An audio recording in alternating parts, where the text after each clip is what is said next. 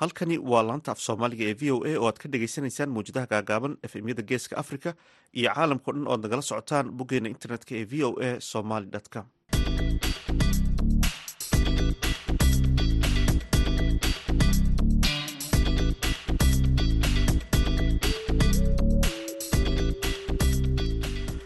duhur wanaagsan dhegaystayaal waa kowdiiyo barkii duhurnimo xilliga geeska africa iyo lixdiiyo barkii subaxnimo xilliga magaaladani washington.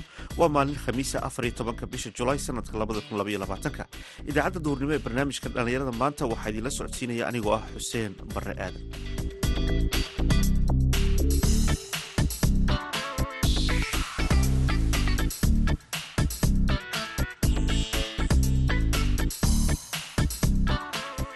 qodobadan aan idiin haynana waxaa ka mid a waraysi aanu la yeelanay gabar dhallinyaro ah oo tababarta gabdhaha ku nool xeryaha dhadhaab waxaan tababaraa haweenka qaybahooda kala duwan sida hooyooyinka ilmaha agoonta haysta sida hooyooyinka ilmaha lagu dayriyey oo rag garab taagan aan lahayn oo wax caawinaya lahayn. Gabdhaha intay uur yeeshaan haddana uurkii lagu inkiro oo aan ilmihii aan aaba lahayn.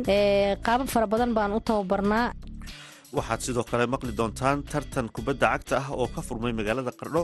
Sidoo kale barnaamijka waxaa qayb ka ah heesihii iyo ciyaarihii balse marka hore waxaad ku soo dhowaataan warkii dunida.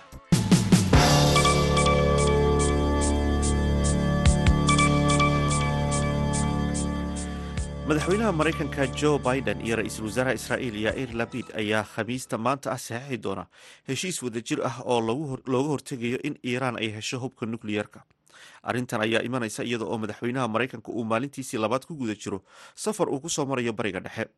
Sarkaal sare oo ka tirsan maamulka madaxweyne biden ayaa sheegay isagoo la hadlaya warbaahinta in heshiisku uu ballaarin doono xidhiirhka amniga ee muddada fog ee u dhexeeya maraykanka iyo israa'iil. Bayaankan ayaa ah mid aad muhiim u ah waxaana ka mid ah ballanqaad ah in marnaba la ogolaan iiraan inay hesho hubka nukliyerka sida uu sheegay sarkaalka maraykanka ah madaxweyne biden ayaa shalay oo arbacahay tegay dalka israa'iil safarkiisii ugu horreeyey ee uu ku tego bariga dhexe. Tan iyo markii uu xafiiska qabtay horaantii sanadka labada kun koob iyo labaatanka.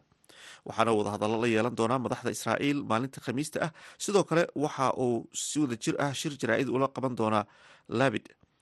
Biden ayaa jimcaha kula kulmi doonaa hogaamiyayaasha falastiiniinta daanta galbeed ee la haysto wuxuuna hogaamiyayaasha sacuudiga iyo xulafada kale ee khaliijka uu wadahadal kula yeelan doonaa sabtida magaalada jidda ee dalka sacuudiga biden ayaa wajahaya dadaal culus oo uu ku doonayo in uu iiraan ugu qanciyo in ay ku biirto heshiiskii nukliyerka ee iiraan ee uu madaxweynihii isaga ka horreeyay donald trump uu ka baxay sannadkii labadii kun sideed iyo tobankii. Madaxweynaha sri lanka gotabaya rajabaksa ayaa ka dhoofay dalka maldiv khamiista maanta ahayd isagoo raacay diyaarad ay leedahay shirkadda sacuudi airlines oo ku sii jeeday dalka singabore maalinun kadib markii uu ka soo cararay dalka sri lanka sida uu sarkaal ka tirsan garoonka diyaaradaha jasiiradda maldiv uu u sheegay wakaaladda wararka ee a f b arrintan ayaa timid iyada oo dibadbaxayaasha dowladda sri lanka ee ka soo horjeeda ee xoogga ku galay guriga madaxweynaha toddobaadkii hore ay sheegeen inay ka bixi doonaan dhismayaasha madaxtooyada ee ay weerareen. Saacado ka hor inta aanay dibadbaxayaashu ku dhawaaqin ka bixitaankooda ayaa boolisku waxay iska caabiyeen dibadbaxayaasha oo isku dayayay inay gudaha u galaan dhismaha baarlamaanka arbacadii shalay dibadbaxayaal ayaa xoog ku galay xafiiska ra'iisul wasaare raa'il wikar masinga kadib markii ay sabtidii gudaha u galeen xarunta madaxtooyada taasoo ku qasabtay madaxweynaha inuu dalka ka baxsado ilaa shan iyo siddeetan qof ayaa ku dhaawacmay iska horimaadka waxaana ku dhintay nin ku neef qabatoobay sunta dadka ka ilmaysiisa. Ra'iisul wasaaraha sri lanka oo loo magacaabay kusimaha madaxweynaha ayaa amar ku bixiyey in laga guuro dhammaan dhismayaasha loogu adeego dadweynaha waxaanuu ku amray ciidamada ammaanka inay sameeyaan wax kasta oo langamarmaan u ah soo celinta nidaamka dalkaasi sri lanka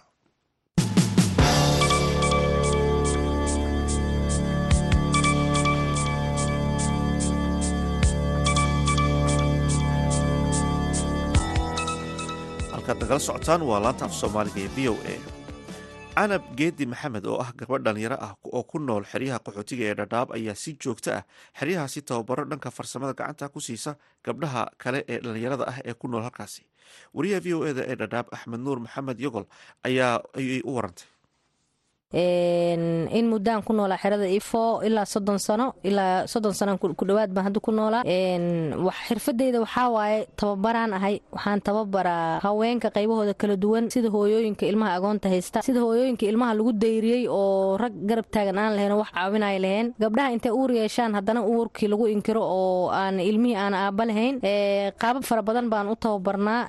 Maxayto xirfadeeda waxaa waaye dharkariska. Aniga marka hore waa la tababara anigana hadda waxaan ku caawiyaa bulshada kaas ahaan haweenka tababarada inaan siiyo. Markaan tababarkaasi kadibna sidai ay magaalada u geli lahaayeen ay ugu shaqaysan lahayn xirfadahooda. Anigaba intaan la tababarin in muddo aan raadina inaan tababarka helo. Marka dambe alxamdulilah ilahi baa igu guuleeyey faa'iidada leedan waa arkay oo yacni waa xirfad adiga aad wadato oo meelna aan kaaga haraynin markaad dhimato unbay kaa hari. Xirfadahan bar waxaa waaye dharka kariska dharka la hagaajinayo waaye. Naqshadiisa kala duwan intaasoo naqshaduu leeyahay. Marka qaabka ugu horey marka ugu horeysa waxaad bari sida loo xirxiro oo dharka designkii loo sameeyo naqshadihii kala duduwanaan loo sameeyo. Markaa kadib sida haddana wixii qalabkii loo diyaarsado oo riinjigii iyo alaabtii wixii laiskugu dardaro. Markaa kadib hadda gabdhaha jooga xaafadan oo ani aan tababaray oo aniga markaan xaafadda ka maqanaha i caawiyo. Aniga yani waxba kama qaadanin oo lacagii waxaa kuma tababaranayo faa'iido badanna way leedahay waan hagaajiyaa dharka meelo badan aan u dhiibaa. Sida si la mid bay ayagana ugu shaqaystaan haweenkii. Qaarkood waxaa jira awal inayba helin boqotulyoonka ama maalintaas ilmahooda caanahooda ayna heli jirin. Hadda laakiin alxamdulilah markay xirfadii barteen magaaladii bay galeen magaaladii bay deyn ka soo qaadanayaan wixii way hagaajinayaan way magaaladay ka dhex gadanayaan wixii faa'iido ka soo baxan hadday reerka noloshiisa ku maareeyaan wixii kalena lafihiina waxay u celiyaan dadka ka soo qaateen. Marka waana xirfad aad iyo aad u wanaagsan waxaan ku boorinayaa haweenka agoonta haysta haweenka aan raggooda la joogin oo ilmaha lagu caawinin gabdhaha ilmaha lagu dayriyey inay xirfadaas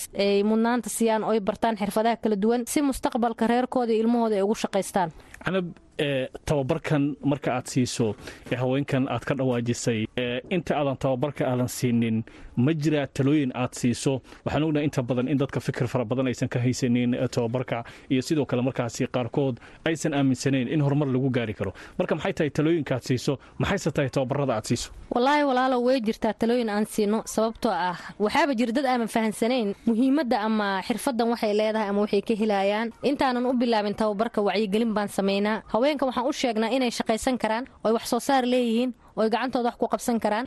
Haween badana waxaa jira aan aqoon lahayn wax taakuleyna aan lahayn iska dhiban qaarkood raggoodii la laayay oo dagaaladii ku dhintay qaarkood ilmihii lagu dayriyey oo raggii muqaadaraad hadda boqolkiiba siddeetan ama sagaashan ba aan dhaho dunida waxa shaqeeya waa haween waxa reeraha taakule haween bay u badan yihiin. Haweenka wax bartana way iska yaryihiin oo yacni intay iskuul tageen shaqo maanta qalin iyo buuku shaqaysanaya way yaryihiin marka inta aanan maxay eeto aanan tababarka siinin waxaan ka dhaadhicinaa ama aan u sheegnaa inay wax walba qabsan karaan. Adduunka wax aan la samayn karin inayna jirin haddii kartideeda iyo firfircoonideeda iyo niyaddeeda aad yeelato marka wacyigelinta aan ku samayna waxaa ka mid ah inay xirfadan xirfad faa'iidala ay tahay ay muhiim tahay ay ka shaqaysan karaan ee wax soo saar leedahay oo xirfad fudud oo weligeedna aan ka harin inay tahay. Markaan ka dhaadhicina kadib baan siinaa tababarkii markaa kadibna siday magaalada u geli lahaayeen naqshadaha kala duwan siay u sameyn lahaayeen suuqgeyntii iyo qaabkii kalean haddana ka sii dhaadhicina. Canab gurigaaga intaan ku suganay waxaa imaaday dumar markaasi doonayey in markaasi tababaro aad siiso amaba markaasi aad caawiso si ay berri ka maalin xirfadaasi ugu shaqaystaan. Marka ma jiraan tusaalahaanoo kale dumar guula ka gaaray tababarka aad siiso markaasi si xirfadan ay barteen ay ugu shaqaystaan? Haa aad iyo aad way jiraan. Dumar badan baa jiro oo marka hore xataa nolosha ay ku adkeed. Haddana mar allaale markay i arkaan ama meel igu arkaan badankood ii duceeya ii mahadceliya dhaha arrintan maana ogeyn laakiin ilaahayga nagula kaakulansiiyey oo xirfadan yacni aan kaa baranay ayaan ku mahadinaa. Waayo noloshaa ku adkeed meelay wax ka qabtaan mayna garanayn. Qaarkood waxaa macquul ah ilmihii inay yacni ilmo yar oo sabi a ma yaqaano caano lama haayo waxba lama haayo ma yaqaano. Waxaa macquul inay hooyada subaxii ka soo tagto xaafadaha dhex kacdo oo dhardhaq iyo biyo dhaamis iyo waxaas ay soo raadsato aynan helin. Laga yaabo maanta dhanna ilmihii inay ka maqneyd caawa markay u hoyatana laga yaabo inayna waxba u wadin oo ayadoo gacan maran ay tagto. Tan hadda sidii ma aha alaabtii bay soo qaadan way hagaajin dharkan weliba naqshadahan ama xirfadan aad baa looga jecelyahay wadanka aan joogno aad buuna u baxaa maasha allah. Ani khaasatan marka aniga iska hadlo maalinta aan bilaabaya xirfadan uun baranayay iyo maanta nolosheeda aad bay u kala duwantahay waayo waxyaabo badan bay nolosheeda ka badashay. Waan ka shaqaystaa faa'iidooyin badan bay leedahay. Marka haweenka markay ii imaadaan waxaan ku waaniyaa ama talo aan ku siiyaa inay gacantooda ku ilbaxaan oo muruqooda ay maalaan. Markaa kadib xirfadii baan siiyaa. Haween badanaa jira oo ku guulaystay oo noloshooda awal si ahayn maanta aad iyo aad ay uga bedelan tahay. Oo wax allaala maanta wixii niyaddooda ku soo dhaco ama hamigooda ku soo dhaco ay awoodaan inay samaystaan ma jira marka tababarada intaad haweenka aad siinayso ama wacyigelintan aad u samaynayso caqabada kaa hor imaada? Wallaahi caqabado badan baa naga hor imaaday.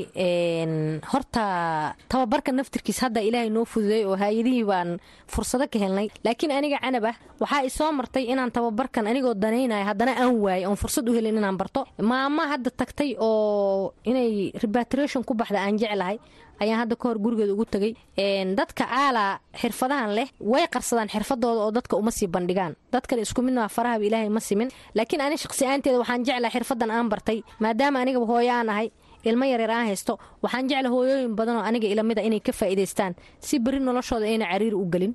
Maamadaasaan u tegon ka codsada inay tusto. Intaan ka baxo xagardheer baa liigu sheegay kuwo kale. Xagardheer markaan u tego waxay dhaheen waan ku baraynaa. Laakiin bil walba lacag toban kun oo shillaan kugu baraynaa. Marka ayadana aniga lacagta tobanka kun ma awoodin waan iskaga soo laabta anigoo xirfadii daneynaya inaan barto oo niyadi leh laakiin meesha aan ku baran lahaa aan la ahay bay marka dambe d r c soo dhejisay fursadaas sida baan uga faa'iidaystay waana u mahad celinaya ilaah baa mahad marka hore. Marka labaad d r c baan uga mahad celinaya oo xirfadan isiisay haddana haween badan oo waxaa jira xirfadii aniga aan soo bartay ka faa'iidaysta. Hadda ani ayaga ay tababareen anaanan tababar oo tababara u ah oo haweenka hadda sida haweenka shaqaaqooyinka haweenka loo geysto gabdhaha intii uur loo yeelo yacni guryaha laga soo eriyo gabdhaha ayagoo yaran intii la guursado la rafaadiyo. Hay'adaha markay caawinayaan anaa tababara anaa meesha taga xirfadii baan siiyaa aad ay u mahadsan tahay waxay ahayd canab geedi maxamed oo xeryaha qaxootiga dhadhaab ugu waramaysay wariyaha v o e da axmed nuur maxamed cabdulaahi iyagol halkaad kala socotaana waa laanta af soomaaliga v o a. Haatanna aynu ku wadansana mid ka mid a heesahaan intii ku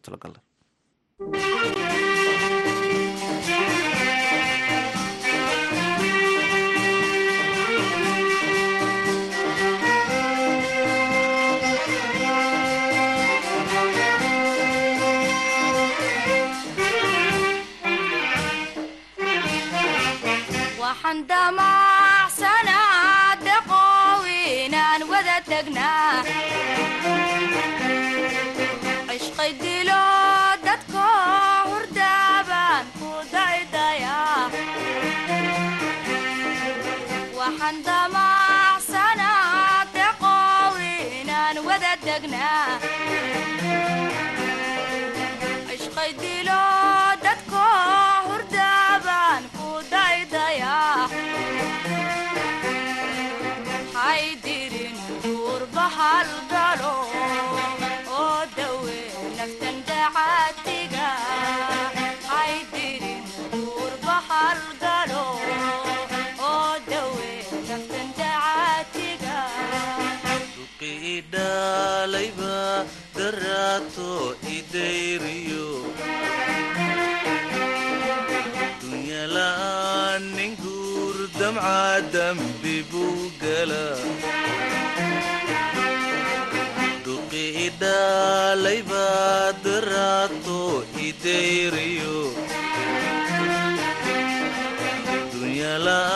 nin guur damca dambi buu gala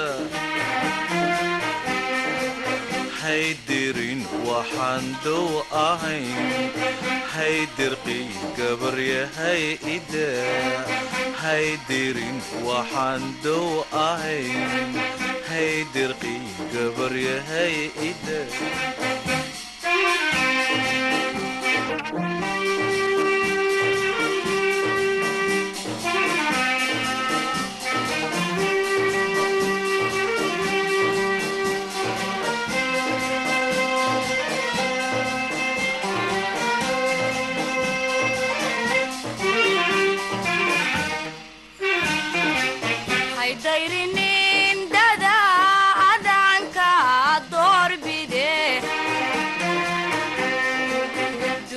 duni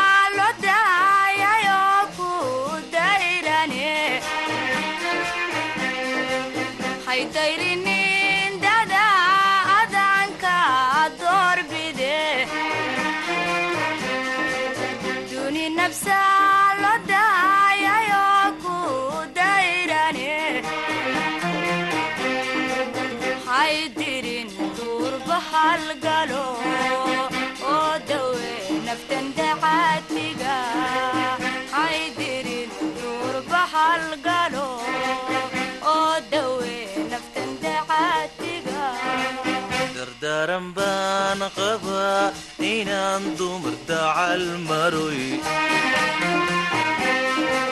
rag bay dileen horoo dabin ugu daatayay dardaaran baan qabaa inaan dumar dacal maroy rag bay dileen horoo dabin ugu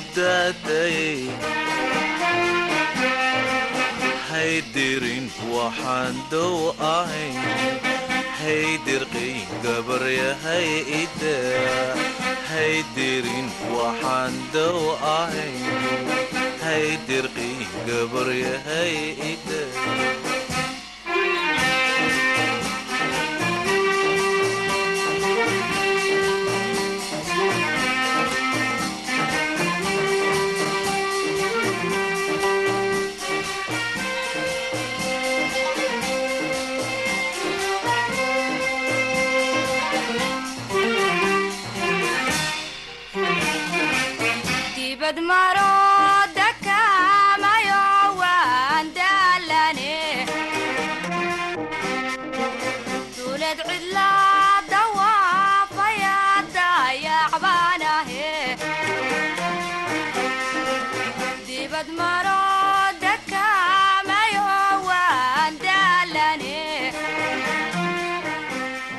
halkaad weli nagala socotaan waa laanta af soomaaliga v o a oo si toosa idinka imanaysa washington magaalada qardho waxaa lagu qabtay tartan kubadda cagta ah oo ujeedadiisu ay tahay in dhallinyarada soo baxaysa lagu dhiirigeliyo habciyaareedka wanaagsan ee kubadda cagta. Tartankan ayaa waxaa ka qayb galay dhallinyarada cuslaatay warbixintan waxaa boosaaso ka soo diray wariyaha v o eda yuusuf maxamuud. Yuusuf waxaa garoonka kubadda cagta ee shabeelle stadium ee magaalada qardho ka furmay tartan kubadda cagta oo ay ku tartamayaan ciyaartoydii cuslaatay kaasoo looga gol leeyahay isdhexgalka dhallinyarada iyo weliba wadajirkooda. Koobkan oo xiise gaara leh waxaa ku tartamaya toban kooxood waxaana ka qaybgelaya taageerayaal tiro badan kuwaas oo xiiseenaya daawashada ciyaarta iyo weliba in dhallinyarada cuslaata ee dhallinyarada kale tartankaasi inta uu socdo ay ka bartaan qaab ciyaareedka ay u ciyaarayaan oo ay ku jidho dhinaca akhlaaqda furitaanka tartankaasi waxaa ka qayb galay maamulka degmada bahda ciyaaraha iyo weliba maamulka garoonka mas'uuliyiin iyo weliba dhallinyaro kale oo ka kala socday kooxaha kala duwan ee magaalada qardho. Gudoomiyaha dhallinyarada ciyaaraha magaalada qardho cabdiqani maxamed cartan yuusuf cali maxamed oo ka mid a ganacsatada ayaa sheegay in tartanka loo qabtay dhallinyaradii hore ee kubadda ciyaari jirtay oo hadda cuslaatay. Si jiilka yaryar ay uga daydaan qaab ciyaareedkooda. Caawa inaanu koob ka daahfurno ka maamul ahaan isboorts ahaan runtii farxad weyn bay noo tahay. Tartankan waxaa loo furay sida la sheegay. Waxaa loo furay isboortskii hore odayaasha ee cuslaaday ee degmada qardho farxad weyn bay noo tahay. Insha allah waxaan rajaynayaa tartankaas si nabadgelya inuu ku dhammaado. Isboortsku waa isdhexgal bulsho weeye. Runtii waxaanu ku faraxsanahay ka maamul ahaan in aanu mar walba aan ka soo qayb galno tartamo nooca kan oo kale ah qardho waxay tahay magaalo sboortis ee, hadda waxay noo dhammaaday koobkii ahaa degmooyinka. Haddana waxay noo socdaa koobkii dhallinyarta cuslaatay ee sboortiska ah. Runtii aad iyo aad baan ugu faraxsannahay. Arrintaasna waxay dhiirigelinaysaa qof kastoo dhallinyaro ah inuu markaasi ku soo bandhigo xirfadiisa iyo ma garanaysaa iyo kubadda ku soo bandhigo. Ee, aad baan ugu faraxsannahay cidda qabanqaabisay mas'uulka iskale garoonka ciise shabeelle isagana sidoo kale aad baan ugu mahadcelinaynaa gudoomiyaha degmada qardho cabdiqaadir siciid qaal ayaa docdiisa sheegay inay dhiirigelinayaan dhallinyarada si mar walba ay uga shaqeeyaan nabadgelyada iyo weliba horumarka waxaan halkan ka daafuraynaa tartan sboortis oo u dhexeeya toban kooxood oo ka mid ah dhallinyarada cuslaatay. Tartankan oo ah tartan isdhexgal ah oo laga furay garoonka shabeelle oo sallaxa ah habeenkiina lagu ciyaaro. Waa ku faraxsannahay waana dhiirigelinaynaa ee, sboortiska jir caafimaad qaba. Baa maska caafimaad qaba ku jirtaa sidoo kalena in muxuu ahaaye garoommada camiro yihiin. Ee, habeenkii ee, garoommada maaragtay lagu ciyaarayo dhallinyarada isdhexgelayso waa soo dhowaynaynaa waana dhiirigelinaynaa sidoo kale waxaan dhiirigelinaynaa ganacsiga ku saabsan garoommada iyo dadka garoommada quruxda badan maalgeliyey. Sidoo kale waxaan dhiirigelinaynaa dhallinyarada ku jimicsanaysa oo wakhtigooda ku qaadanaysa oo jirkooda ku dhisaya. Aad iyo aad baan maaragtay u dhiirigelinaynaa waana ku faraxsannahay. Intaasi kadib qaar ka mid a dhallinyarada magaalada qardho qaybahooda kala duwan ayaa soo dhoweeyey in tartamadan oo kale lagu qabto magaalada maadaama ay jiraan dhallinyaro badan oo u soo daawasho taga halkan si ay u daawadaan qaab ciyaareedka dhallinyaradan. Waxaan aad ugu faraxsanahay horta inay dib loo soo celiyo odayaashii in bal mar dambe la soo abdheed gareeyo. Waxaan ku bogaadinayaa dhallinyarada insha allah koobkan sida quruxda badan loo soo agaasimay in ayagana si qurux badan u dhammaystaan. Waxaweyaan dhammaan dhallinyarada waxaan leeyahay koobkan waa sidii inoogu bilaabmay. Mar kasta inoo socdo aad baa umahadsantihiin waxa weeye tiimka ama kooxda dhakhaatiirta iyo kooxda qardho city ku dheelaysa. Insha allah waxaan leenahay guul baan u rajaynaynaa labadoodana. Caawa waxa waaye koobkii baa furmaya. Koobkii oo ahaa toban tiim oo ku jiraan degmada waaciye iyo deegaanka sheerbi ayaa ka mid ah. Kolle waa koob isdhexgal ah odayaasha cuslaaday ah. Runtii waa farxad habeenkii in lagu madaalaysto oo dadku isku dhex galaan runtii waxaan rajaynaynaa caawa kolle kulanka furitaanka waa dhakhaatiirtaan la ciyaaraynaa waa dhakhaatiirtii magaalada qardho. Farxad gaaray noo tahay. Hadday naga badiyaanna de waa u hambalyeynaynaa haddaan badinana de insha allah sidaas kalnoo hambalyan laakiin waa koobka muddo soconaya. Waana farxad in koobkaanu hore u sii socdo. Annaguna waxaan rajaynaynaa inaan sida habsan ugu qurux badanaan sii wadno. Waxaa halkan kale u hambalyeynaya oo halkan ka salaamaya oo u mahadcelinaya garoonka shabeelle stadium ciise maamul ciise oo koobkan soo agaasimay dhammaan howlwadeennada iyo albiitarada kulli halkan waa ka salaamaya. Aad iyo aadaan ugu faraxsanahay. In kastoo caawa furitaanka oo koobka shabeelle stadium uu soo qabanqaabiyey furitaankiina aan nasiib u yeelannay annagoo ah dhakhaatiirta iyo qardho oo dhallinyaradaasi ka socota aad iyo aad baan soo dhowaynaynaa waannu ku faraxsannahay. Insha allah dee waxaan sbortis isdhexgal bulsho weeye. Waxaan rajaynayaa si fiican inay noogu dhammaato. Isuduwaha ama ninka soo abaabulay ciise shabeel aad iyo aad baanaad iyo aad buu u mahadsan yahay. Dadaal fiican buu sameeyey waxaan rajaynaynaa koobkan si fiican inuu nooga dhammaado insha allah si kastaba ahaatee kulankii ugu horreeyey ee labadan kooxood ay iswajahaan ayaa waxa uu ahaa kooxda qardho iyo weliba kooxda dhakhaatiirta oo ay ka kala socdeen dhallinyaro kala duwan waxaana ciyaartaasi afar iyo siddeed ku adkaatay kooxda kubadda cagta ee qardho tartankanna waxa uu ka mid yahay tartan lagu ciyaari doono garoommada xilliyada habeenkii ah.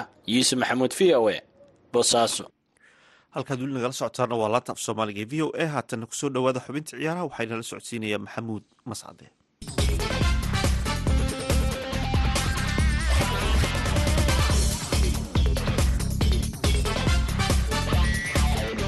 wanaagsan dhegaystayaal dhammaantiinba kuna soo dhowaada xubinta ciyaaraha. Aan ku bilaabaya kooxda kubadda cagta ee chelsea ayaa waxa ay si rasmi ah u shaacisay in ciyaaryahan raxiim starlin ay kala soo wareegtay kooxda kubadda cagta ee manchester city.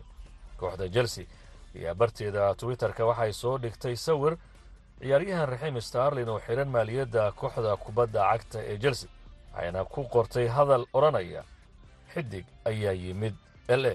Taasi oo ay ula jeedo kooxdu in ciyaaryahan raxiim starlin uu ku soo biiray kooxda kubadda cagta ee chelsea oo haatan ku sugan magaalada los angeles ee waddanka maraykanka halkaasi oo ay kooxdu kulamo saaxiibtinimo kula ciyaari doonto kooxa ay ka mid tahay kooxda kubadda cagta ee arsenal. Ciyaaryahan raxiim starlin ayaa waxa ugu kacay kooxda kubadda cagta ee chelsea lacag gaaraysa konton milyan oo ganiga ingiriiska. Waxa uuna xiddigan toddobiyo labaatan jirka ee u safta qaranka ingiriiska. Uu saxiixay kooxda kubadda cagta ee chelsea in uu la joogo muddo shan sana ciyaaryahan raxiim starlin ayaa kooxda kubadda cagta ee manchester city oo uu ku soo biiray sannadkii labada kun shan iyo tobankii waxa uu saftay saddex boqol soddon iyo sagaal kulan halka uu ka dhaliyey boqol soddon iyo kow gool. Ciyaaryahanka ayaa waxa uu yahay ninka labaad ee ugu gool dhalinta badan muddadii tababare beb guardiola uu leylinayay kooxda kubadda cagta ee manchester city.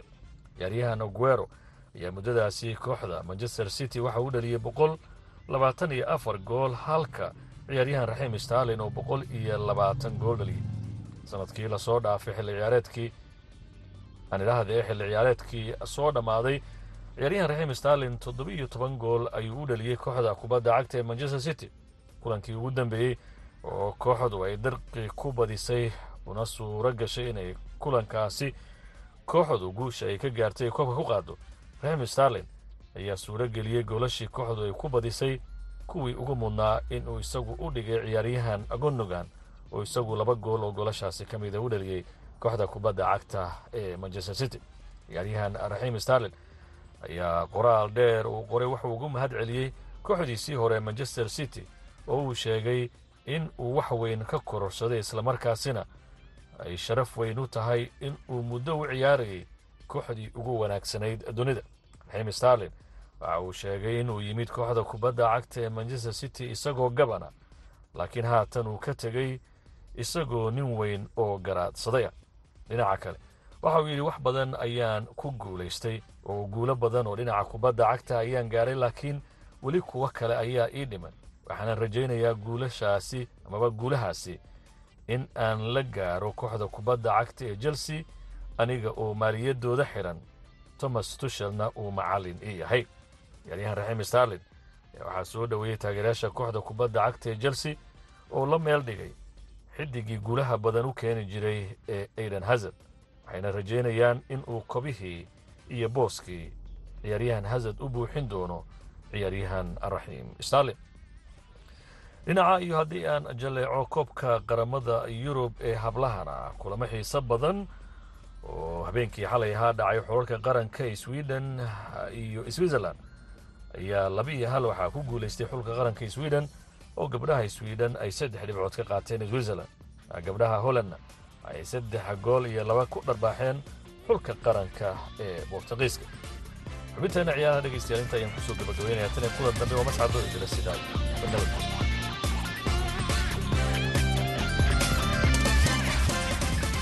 aad ayuu mahadsan yahi maxamuud muscade oo xubintaasi ciyaaraha nala socodsiinay halkaad kala socotaana waa laanta af soomaaliga v o a. Haatanna aynu ku wadansano mid ka mid ah heesahan idinku talagalnay